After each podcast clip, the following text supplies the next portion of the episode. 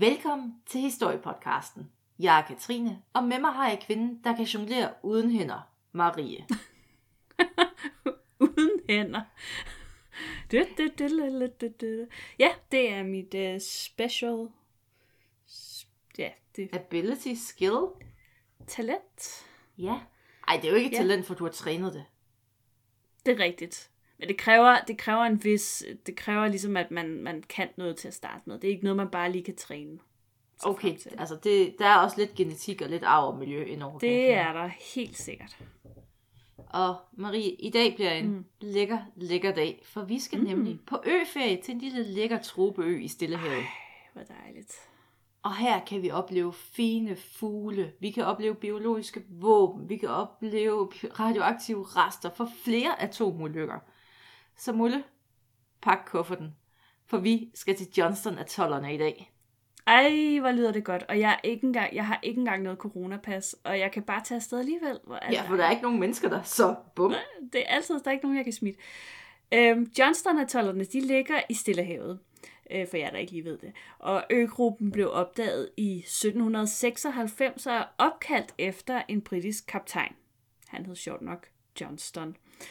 Øerne, de var ubeboede, men sådan, ja, hvad skal vi kalde dem? Lokale øh, fra Hawaii, altså det er sådan de tætteste øer, går jeg ud fra. Sådan, Ja, men sådan nabo, store naboøerne. Ja. de havde navngivet de her øer i hvert fald. Øh, og kaldt dem, og tak for det, Katrine, fordi øh, øh, jeg har så fået det øh, hawaiianske ord. Iwopukumayoni. Præcis. Og der boede ikke nogen på de her øer, og det var der egentlig en ganske god forklaring på, for de var ganske ubeboelige. Altså det er sådan en lille gruppe af øer, det er ikke sådan kun én ø. Og det er bare sparsom mm. vegetation. Der er småt, der er ikke noget ferskvand, det er ret rart at have. Og så er mm-hmm. de i the middle of nowhere. Det er bare sådan, bare sådan en lille, lille og det er ikke fordi de er særlig højt, det er bare sådan en lille top ude på vandet. Ja.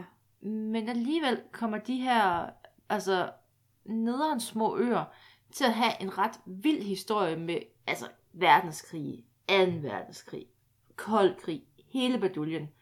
Og det er de her øer, vi i dag skal tale om. Og jeg tror faktisk, at vi i dag sætter rekord for kontekstklokken. Så vi skal have et ekstra højt ding, tror jeg. Dung dung. Ja, øh, fordi vi starter simpelthen for 70 millioner år siden. Her skabte underjordiske vulkaner grobunden for, for øgruppen her. Og øen er faktisk sådan en, øh, eller øerne er sådan en, en kalkstenskappe, som er opbygget af koraller, øh, som voksede på de her vulkanske rester. Og øerne de ligger derfor på sådan et lavvandet plateau på og spreder sig sådan ud over cirka 13.000 hektar. Ja, det er ligesom bare sådan en stor klump lige under vandet, og så nogle steder, så titter det lidt op, og så har man kaldt det Ja. en ø i virkeligheden. Det, jeg tror vel, at det ikke det, som ligger i, i en atol. jo, det er At nemlig det er sådan det. noget, det er nemlig ikke sådan en rigtig ø, det er ligesom bare sådan en, øh, der stikker En, op i en, vandet. en klump med vand på, eller hvad man skal kalde det. Ja, jeg synes, min definition var bedre. Præ- perfekt. Og øernes første claim to fame i verdenshistorien, det var for lort. Hvad? Fordi at den første ting, mennesker nogensinde bruger den her ø til systematisk, det var at indsamle afføring for de uhyrligt mange fugle, der boede på øerne. Fordi, at fordi der var det her lavvand, så kunne fuglene, så boede de på øerne, så fløj de over det lavvand, der fangede nogle fisk og sådan noget, og hyggede sig voldsomt. Og de her Mm. fugle, de skider så, og så kom folk ud og hentede øh, det her fuglelort og brugte det som gødning. Fedt. Og USA, de går sådan halvvejs krav på stedet. Det er amerikanere, der altså er ude og høste lort. Mm-hmm. Men øh, det samme, det gør Hawaiis konge, Kam, øh, Kamehameha, den fjerde, og det gør han i øh, 1856. Øh, Hawaii gør så aldrig brug af ø, den her, altså de siger, det er vores, mm, men de gør ikke noget ved det. Så amerikanerne, de bliver bare ved med at samle fugleklatter, helt øh, som de gjorde før. Og det bliver egentlig også lidt lige meget, det her, fordi efter 1898, der bliver Hawaii sådan uofficielt en del af USA. Og så er det først sådan efter 2. verdenskrig, at det bliver en stat og sådan. Det, det er sådan lidt mere bøvlet. Mhm, mhm. Men nu er det faktisk teknisk set amerikansk. Okay. Og i 1926, der erklærede præsident Calvin Coolidge, han er en af de præsidenter, jeg ikke har hørt om før, vil jeg så lige sige. Jeg er også nødt til at At, google øh, det, men det er et fedt navn. Ja, jamen, mega fedt navn. Øh, nå, men han erklærede altså, at Johnston Island øh, og en lille ø ved siden af den skulle være fuglereservater. Yay for det. Det kan sådan en, som jeg godt lide. Og tanken var at beskytte fuglene imod krybskytter. Også en rigtig god ting. Selvom jeg, jeg ved ikke, er der særlig mange krybskytter midt ude i Stillehavet? Jamen, øh, øh, det var fordi, at de her fugle, det var, der var sådan lidt knap på ressourcer i den her tid, så skulle man ligesom skyde de her fugle og tage deres fjer, så det var, der var et marked for det. Nå, ja, mennesker er nogle bavianer. Nå, men øh, problemet var bare, at de myndigheder, som ligesom skulle øh, varetage øen og, og opretholde det og så videre, de havde ikke nogen skibe. Det er lidt svært at komme ud til en ø uden et skib, vil jeg lige sige. Øh, så det var sådan ret umuligt for dem at besøge øen og altså i det hele taget føre nogen som helst form for kontrol. Det kan man jo ikke. Altså, de havde jo ikke Google Maps dengang, så ærgerligt bærgerligt.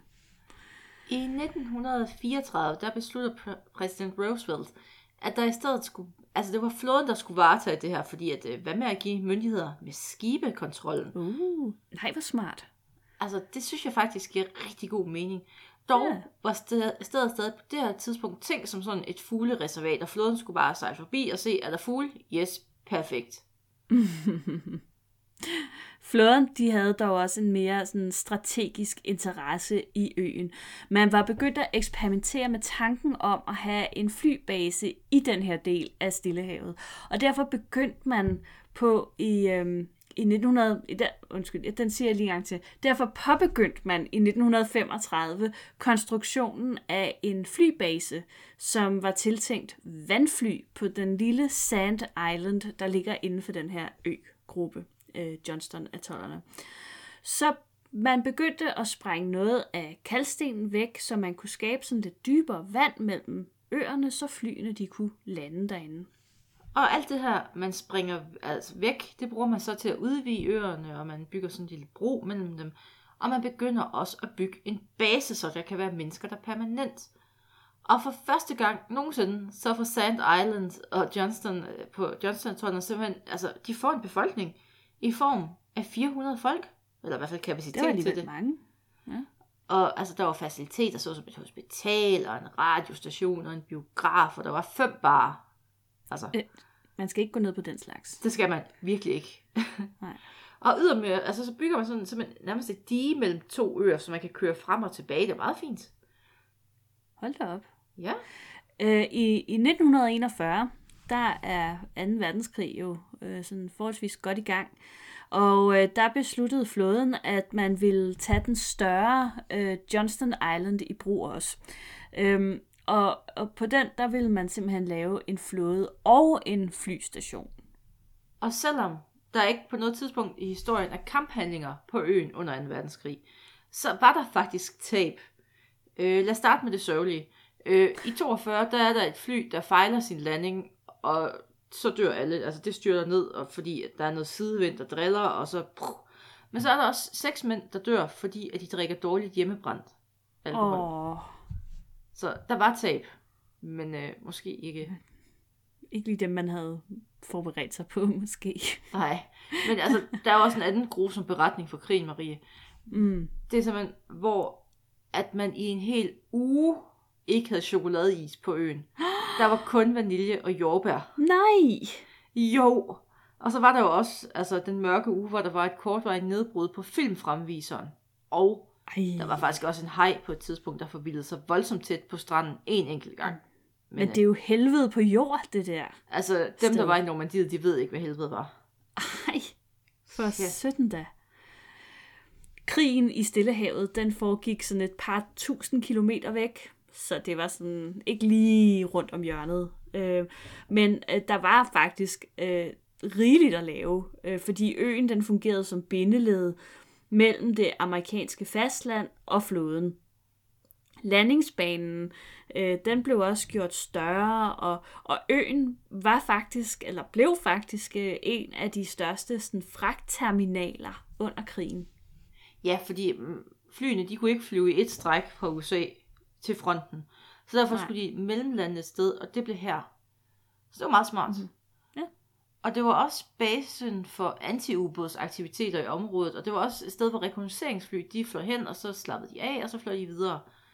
Og, og så lige en, en note på, altså bare sådan, man kan fornemme, hvor meget aktivitet der reelt var på øen. I 1947, altså efter krigen, der havde intet mindre end 1300 B-29 og B-24 bombefly mellemlandet på øen på vej hjem fra krigen i USA, eller øh, i Stillehavet. Så. Ja. man kan sige, at øh, der var bare rigtig meget altså, transport og folk, der kom igennem og forbi den her ø, så der er også ret mange sådan veteraner, der har historier om øen. Så det er meget spændende. Ja. Ja. Og Det er jo alligevel også, altså det er jo en voldsom trafik på den der lille bitte bitte øgruppe. I 1948 der overtog det amerikanske luftvåben kontrollen med øen fra flåden. Og under Koreakrigen, der er jo fuldt sådan hurtigt efter 2. verdenskrig, der blev øen igen et vigtigt trafikalt knudepunkt mellem det amerikanske fastland og fronten. Det galt faktisk også øh, under Vietnamkrigen. Men mm. lad os lige dvæle lidt ved 2. verdenskrig, fordi øen havde spillet en vigtig rolle, selvom den havde befundet sig langt fra fronten. Og der, så står man lidt tilbage efter 2. verdenskrig, og så har man en fin afsides ø med en stor lækker landingsbane til de her kæmpe bombefly. Der er plads til skibe, der er plads til ubåde, der er en fin infrastruktur. Så lige pludselig, så har stedet fået en ret stor strategisk værdi for USA og deres ambitioner i Stillehavet. Og så var der også lige den der lækre detalje med, at den lå jo langt væk fra alt og alle, så der var ikke sådan nogen, der gik og snuste rundt. Der var ikke lige en journalist, der kom forbi derude. så det amerikanske militær kunne gøre cirka, hvad de ville, uden at blive forstyrret af sådan nogle irriterende, nysgerrige typer. Så det var jo også lidt smart. Spændende. Øh, og blandt andet så blev Johnstonøerne altså brugt til at huse sådan en moderne navigationscentral, der gjorde overvågning i Stillehavet markant mere præcis. Det var faktisk først sådan lidt mind-blowing øh, i 1992, at den her station den blev nedlagt, øh, fordi altså på det her tidspunkt var systemet for længst forældet. Jeg ved så ikke, om man bare havde glemt det, eller om man Nej, bare nej, sådan... det, det kørte. Det, det, det var i funktion frem til var i 92, funktion. selvom at det var forældet. Vildt. Øh, øerne de kommer også til at spille en speciel rolle i atomkapløbet under den kolde krig, og nu bliver det Katrine spændende. Mm. Fordi at øen den fungerede som en slags mellemstation mellem Hawaii og øerne, man brugte til at teste atombomber. Fordi man brugte jo de her små stillehavsøer til at teste atomvåben, og der er jo nogle ja. Ja. forfærdelige historier med det også. Ja, ja. Men øh, de der atombomber, de kom lige til at ligge et par dage på Johnstonøerne, mens man lige fandt ud af, hvor skal vi fyre af og sådan noget. Så det var sådan, sådan en venteposition. Men man testede altså også bomber fra øen, fordi hvorfor ikke? Hvorfor ikke? Hvad skete der med det der fuglereservat? Nå, Fuck fugle. Øhm, ja, det tror jeg nok, altså. Nå, i, øh, I 1958, der blev øen endnu en gang udvidet, og man etablerede en affyringsrampe til missiler, øh, underforstået sådan atombomber. Og nu, Altså kommer, ja, atommissiler, eller hvad det hedder. Ja. og nu kommer vi så til de her meget spændende operationer, man har. Man har for eksempel øh, Operation Hardtack 1, som var, altså det var faktisk en serie af atomprøvesprængninger i 1958. Og øh, det er sådan i den her periode, hvor USA sådan virkelig begynder at optrappe deres atombombeprogram. Mm. Og sådan, som reference, så i 58, der affyrer man flere atombomber på et år, end man havde gjort hidtil. Så Vildt. får lige et nyk op. Og ja. Ja. to af bomberne, de var sådan små 3,8 megaton, og jeg mener, bare lige sådan skud for hoften, Nagasaki-bomben, den var 21 kiloton. Så der er sgu lidt smæk på de her megatonsbomber. De blev affyret fra øen. Vildt. Altså, det var en af dem der, der blev kastet over. Ja, okay. Ja, Ja, altså, det er jo sindssygt, altså. præcis. Der, der er ja. lidt smæk på, som sagt. Ja. Nå, men den, den vigtigste test for, for Johnstonøerne, den foregik dog i 1962 under det, man kalder for Operation Dominic, hvor planen var at affyre ni mellemdistancemissiler fra øen. Og det gik øh, mindre godt. Fordi at hele fire ud af de her ni affyring, de var altså totale fiaskoer. Og tre af de her fire totale fiaskoer, det var nogle det resulterede i nogle rimelig hæftige påvirkninger i området, sådan når, altså spild og ja, mm. det, det tænker jeg, vil det, altså uanset om de var fejlede eller ej, vil det vel have kæmpe konsekvenser med alt det øh, Altså, man kan sige, at radioaktive materiale. Ja, altså der ligesom- bomberne detonerede jo ikke, men der var bare radioaktiv, altså plutonium, der lige sådan kom lidt ud i, ja, Ja. ja du ved. Åh, oh, det er dejligt. Og, og altså, blandt de her øh, små fejl, øh, ej, øh, den, den, den største bummer, det, det var øh, den test, som man har navngivet Blue Jill Prime. Og den foregik den 25. juli, hvor missilet simpelthen brød i brand på affyringsrampen. Og noget siger mig, at det er rigtig skidt. Det er rigtig skidt, altså den sprang ikke i luften, fordi der er nogle altså fail-safes i selve ja. atommissilet. Men det betød stadig, at der ligesom bare sådan kom plutonium ud på den her affyringsrampe, og man var nødt til at låse hele området af, og der stod mange, meget tid og penge på at rense det op. Og en undersøgelse mm. fra 2016, så sent, den påviste, at udslippet faktisk havde været ganske anseligt på det her tidspunkt. Så Det har man bare sådan holdt lidt hemmeligt, fordi ja, det, det har man bare ikke snakket om, altså. beskidt undertøj og sådan. Mm. Mm. Øh, ja. Men altså, øh, derfor, blandt andet derfor, så måtte man i 1960'erne i gang med sådan en større oprydning, øh, før man ligesom kunne bruge basen til noget igen, fordi den var ligesom Ja, men forurenet en lille smule. Men man løser det faktisk ret smart, fordi altså, igen, så skal øen udvise. Og så tager man noget af det her jord, og så dækker man bare det forurenede jord til, og så lever man lykkelig videre. Åh, oh, men det er jo fantastisk. Ude af øje, ude af sind. Den 8. juli øh, gennemførte man en atomsprængning i øh, atmosfæren fra øen. Er det rigtigt forstået? Ja, altså det er jo fordi, man kan lave forskellige sådan, niveauer af prøvesprængninger. Man kan jo springe for eksempel ned, nogle gange gør man det ned under vand, nogle gange gør man det ved jordoverfladen, og andre gange så skyder man altså bomben op i atmosfæren og lader den springe. Og så der man får sådan et kæmpe lysglimt, og det, Ja. ja. det er meget pænt. Og det er jo, altså der er Men jo det forskellige ting, man gerne farligt. vil opnå, og det er jo primært fordi, man gerne vil opnå det, der hedder en EMP, altså en Electric Magnetic Pulse, som blandt andet kan bruges til at ødelægge fjendens elektronik. Men bliver der så ikke bare spredt en hel masse radioaktivitet ud i atmosfæren, som så ligesom bare ender alle steder? Jo. Godt, jeg vil bare lige høre. Men øh, den her øh, atomsprængning i atmosfæren, den var også, nu du nævnte det der med, med, med lysglimt og så videre, det, det var et så kraftigt lysglimt, at man faktisk kunne se lyset fra Hawaii. Ja, og Hawaii, det lå altså stadig halvanden tusind kilometer væk. Og som bonus, Altså, det altså, lidt. så var den her EMP, jeg lige talte om, den var noget kraftigere, end man havde forventet. Så det ud- udstyr, man ligesom har sat op til at måle, hvor kraftig EMP'en var, det blev ristet af EMP'en. Så, så oh, gud. Ja, du ved. Altså, nu har vi snakket en del om sådan atombomber og prøvesprængninger og sådan noget, ikke? Mm. Og nogle gange så sidder jeg lidt med følelsen af, at de overhovedet ikke helt vidste, hvad det egentlig var, altså, de jeg refererer jo gerne til og Casper. Brown-testen, så hvor den bare lige flytter en ø lidt, fordi det var så kraftigt. Ja, jeg altså, tænker også bare sådan, altså det er som om, det kommer som sådan en overraskelse for dem. Det er nok egentlig i go happy princippet nogle gange. Og man kan jo sige, at den her MP, den var jo så kraftigt, at altså, den kortsluttede jo trafikfyr og i Honolulu igen, så lå 1.500 km væk. Upsi. Det er sindssygt. Nå, men de her tests, de betød også, at uh, Johnstonøen gik ind i en ny fase af sin historie. Øhm, og det var jo som sådan hjem eller base for en super hemmelig operation. Nemlig Operation 437. Og her Oh, så hemmelig, altså, at den ikke engang har sit eget navn. Den har, Den har en, lige præcis. Og her opbevarer man simpelthen to Thor-missiler, det er sådan nogle mellemdistance øh, atommissiler, på øen. Og formålet det var, at de skulle fungere som antisatellitvåben. Og det betød, at man skulle kunne springe sovjetiske satellitter i luften med de her atombomber, man ville springe i atmosfæren. Og så var tanken egentlig, hvis når satellitten den sådan fløj tæt på, så skød man atommissilet op og sprængte det, og så skulle satellitten sige, af, sikke en grim EMP og falde ned.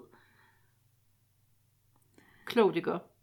Jo, men kunne man gøre det uden atombomber? Nej, fordi at så skulle man ramme, når det er ret svært. Nej.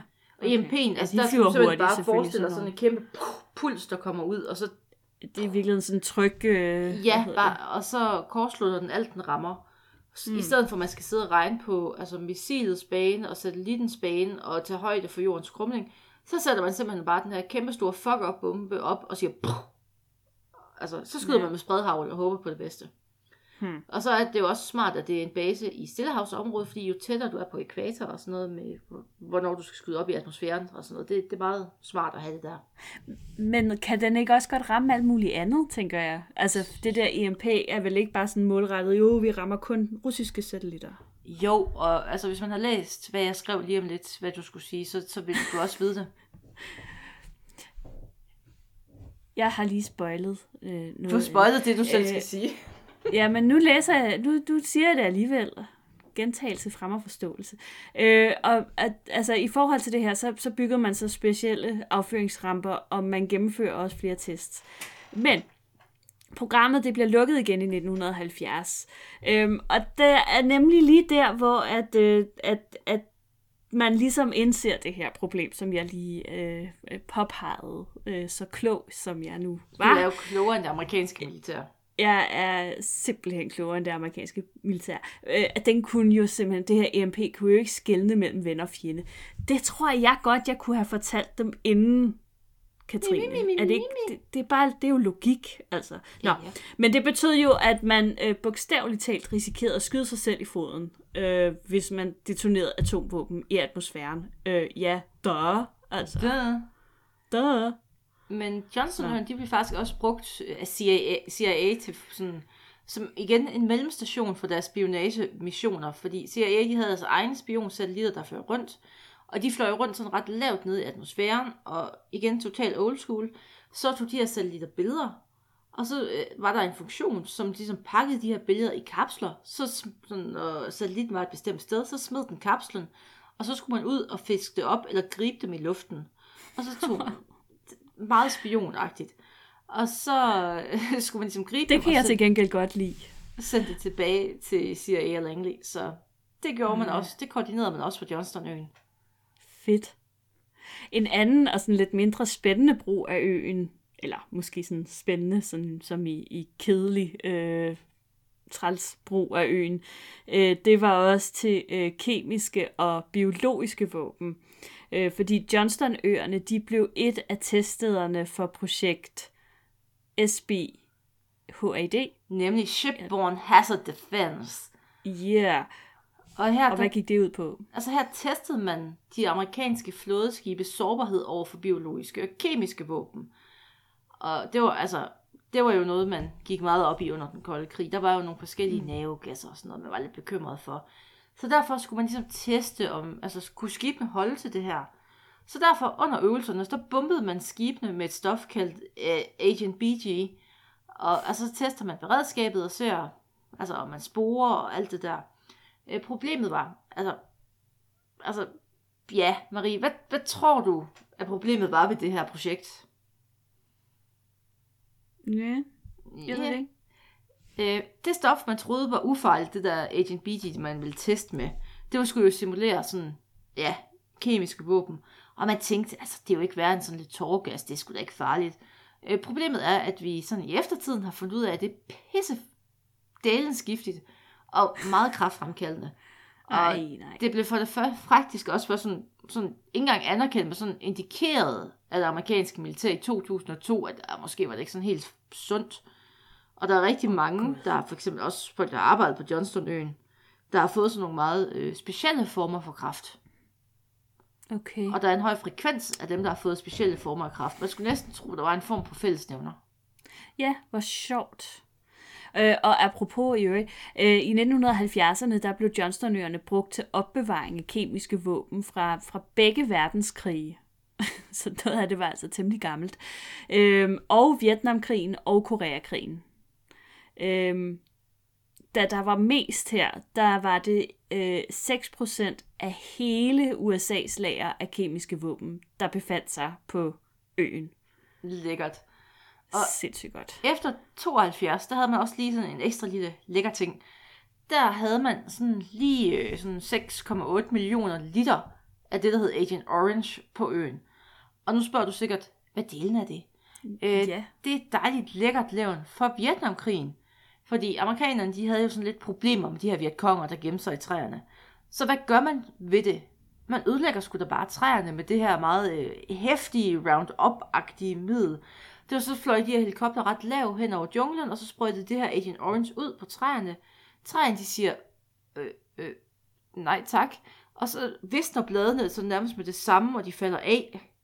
Og de kommer aldrig Nej. tilbage. Og det var jo simpelthen, så Sovjetkongerne ikke kunne gemme sig. Og øh, hvor sådan tror du øvrigt, det var for mennesker? Og det er umiddelbart øh, tip-top dynamo, tror jeg, simpelthen. Se, Øh, det, det, super, superfood-agtigt. Det, det kan jeg godt øh, afsløre, det var det ikke rigtigt. Nå, Og for søren. lige for at toppe af, de her 6,8 millioner liter af det her Agent Orange, det opbevarer man på Johnstonøerne i sådan lidt utætte tønder og sådan noget, der fløj lidt ud i havet og sådan noget. Og det ligger der så i fem år indtil 1977, hvor der er et tysk øh, fordampnings- eller sådan tysk skib, som så er designet til at kunne nedbryde det her, eller rettere sagt bare sætte ild til det, og så bliver det destrueret til havs. Ej, jeg, jeg er simpelthen, jeg, jeg, jeg er dybt forarvet, Katrina, over den her lemfældige omgang med kemiske våben og atombomber. Ej, du er da lidt følsom, er du ikke? Ej, jeg synes, det er... Det var dog skrækkeligt. Nå. I midt 1980'erne, der byggede man øh, faciliteterne til at nedbryde kemiske våben. Og det var jo så øh, meget godt. Men efter, øh, efter politisk pres, der besluttede man så, at øen skulle demilitariseres. Så i 2000, der rev man faciliteterne ned igen. Men i sin levetid, der når de faktisk at destruere øh, sådan lige underkanten af en halv million kemiske våben, altså miner og missiler og sådan noget. Det når man ligesom at pille fra hinanden, og man når også at destruere over 2 millioner kilo giftigt materiale, der kunne bruges til kemisk krig. Mm-hmm. Og i 2009, der er øen sådan endelig officielt lukket ned, og alt er revet ned, og bum bum bum. Ja, og i 2005, der blev øen så sat til salg af den amerikanske regering. Og skal vi bare sige det, at det var, den, var ikke, den var ikke dyr.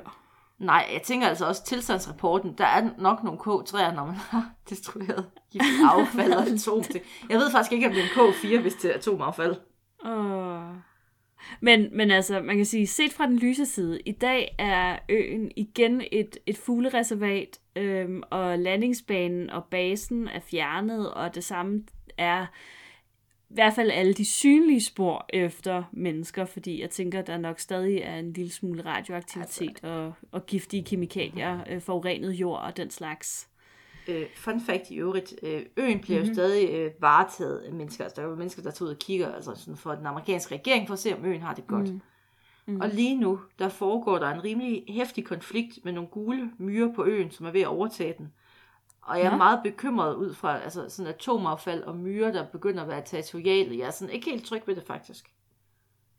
Ej, men ved du hvad? Øh, og det, det er så en helt anden snak, men altså myrer, de øh, er øh, mega creepy, faktisk. Altså, jeg kan ikke huske... Jamen, der, ja, de, øh, de, der er de her myrer, jeg kan ikke huske, hvor, om de, kom, de er over fra, øh, over fra Sydamerikas jungle, og så er de på en eller anden måde kommet til Europa og sådan noget. De er mega destruktive og vildt intelligente, og, og jeg er sikker på, at de, øh, de pynser på at overtage verdensherredømmet. Altså, de er... Det er virkelig farligt med de her myrer. Øh, apropos overtage verdensherredømmet. Nixon, han var jo også på besøg på øen i mm-hmm. forbindelse med det amerikanske rumfartsprogram, fordi at øen blev også brugt som en mellemstation for, hvad hedder det, astronauter, når de ligesom var gået igennem atmosfæren, og så var de landet, og i den her kapsel, så blev de fisket op, og nogle gange så endte de på Johnston-øen, ligesom, fordi det var tættest på, og så på et tidspunkt, så var Nixon også lige forbi at sige dag dag, Okay. apropos yeah. verdensherredømmet. Apropos verdensherredømmet, det, det er virkelig mærkeligt. Sådan en lille bitte pisseø. Ja, jeg synes, det er vildt, hvor meget historie sådan en lille ubeboelig ø har ligesom at kunne skrabe sammen.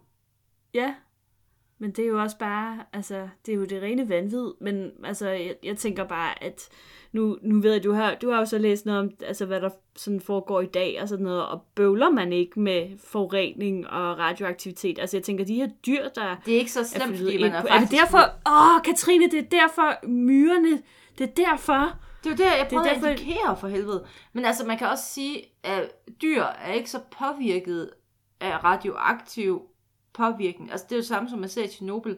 Fordi dyr, de lever ikke så lang tid, så de når ikke at være så påvirket af det, som mennesker bliver. Okay. Det er derfor, at dyrelivet i Tjernobyl også trives, fordi at dyr, de lever ikke lang nok tid til at udvikle de der underlige kraftformer. Altså nu har vi ikke set, om der kommer nogle sære mutationer, men stadigvæk.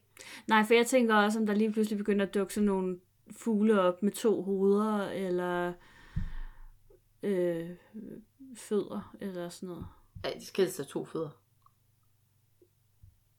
Og med de ord, Nå, ja, ja. tak fordi I lyttede med.